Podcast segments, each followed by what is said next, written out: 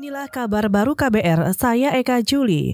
Polda Metro Jaya membantah kabar terjadinya kebakaran di gudang peluru. Juru bicara Polda Metro Jaya, Argo Yuwono, mengatakan ruangan yang terbakar merupakan gudang tak terpakai, berisi barang-barang bekas logistik. Menurutnya, gudang peluru berada jauh dari lokasi kebakaran. Hingga saat ini, penyebab kebakaran tengah diselidiki oleh tim laboratorium forensik. Kelihatannya hanya asap, kemudian sekitar jam 6 sudah mati ya. Tinggal dari pemadam membantu industrialisasi di sana. Tidak ada korban jiwa, kerugian sedang kita cek ya. Kemudian juga laporan yang akan menentukan itu penyebabnya apa. Juru bicara Polda Metro Jaya Argo Yuwono menambahkan, tim pemadam berhasil menjinakkan api yang membakar gudang. Kebakaran diperkirakan terjadi sekitar pukul 5.30 waktu Indonesia Barat pagi tadi. 13 unit mobil damkar diterjunkan ke lokasi. Komisi Pemberantasan Korupsi KPK mengkaji penambahan jumlah jaksa dan penyidik.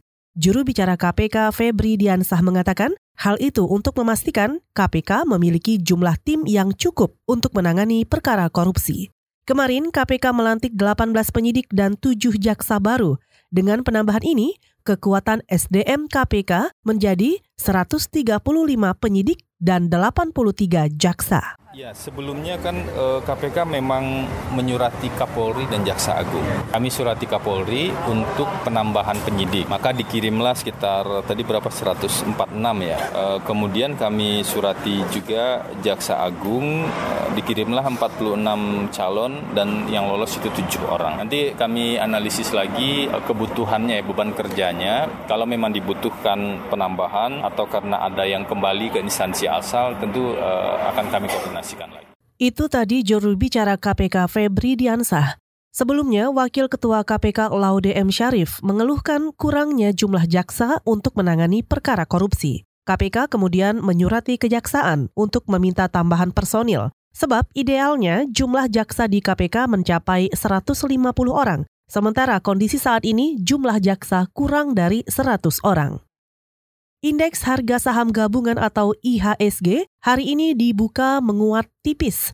Selengkapnya disampaikan reporter KBR Siti Sadida Hafsyah. Saudara, hari ini indeks harga saham gabungan pada Bursa Efek Indonesia dibuka di zona hijau naik 0,24 persen atau 15,19 poin di level 6.311,91.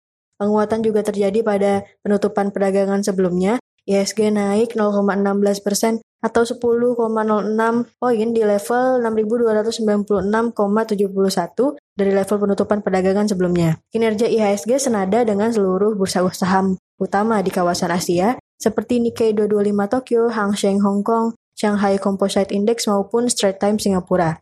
Sementara itu, berdasarkan data Bloomberg, nilai tukar rupiah hari ini dibuka melemah tipis 2 poin atau 0,01 persen ke level 14.240 rupiah per dolar Amerika Serikat. Setelah pada akhir perdagangan kemarin ditutup dengan penguatan 2 poin ke level 14.238 rupiah per dolar Amerika Serikat. Dari Gedung Bursa Efek Indonesia, Siti Sadir Hafsyah melaporkan untuk KBR.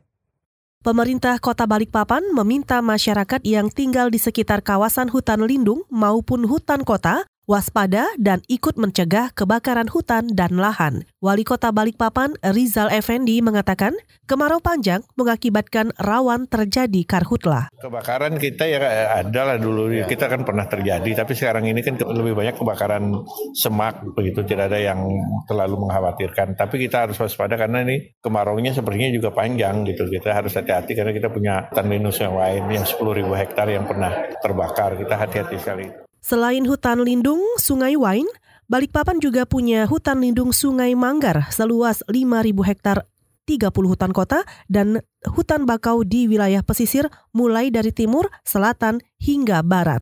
Saudara demikian kabar baru, saya Eka Juli.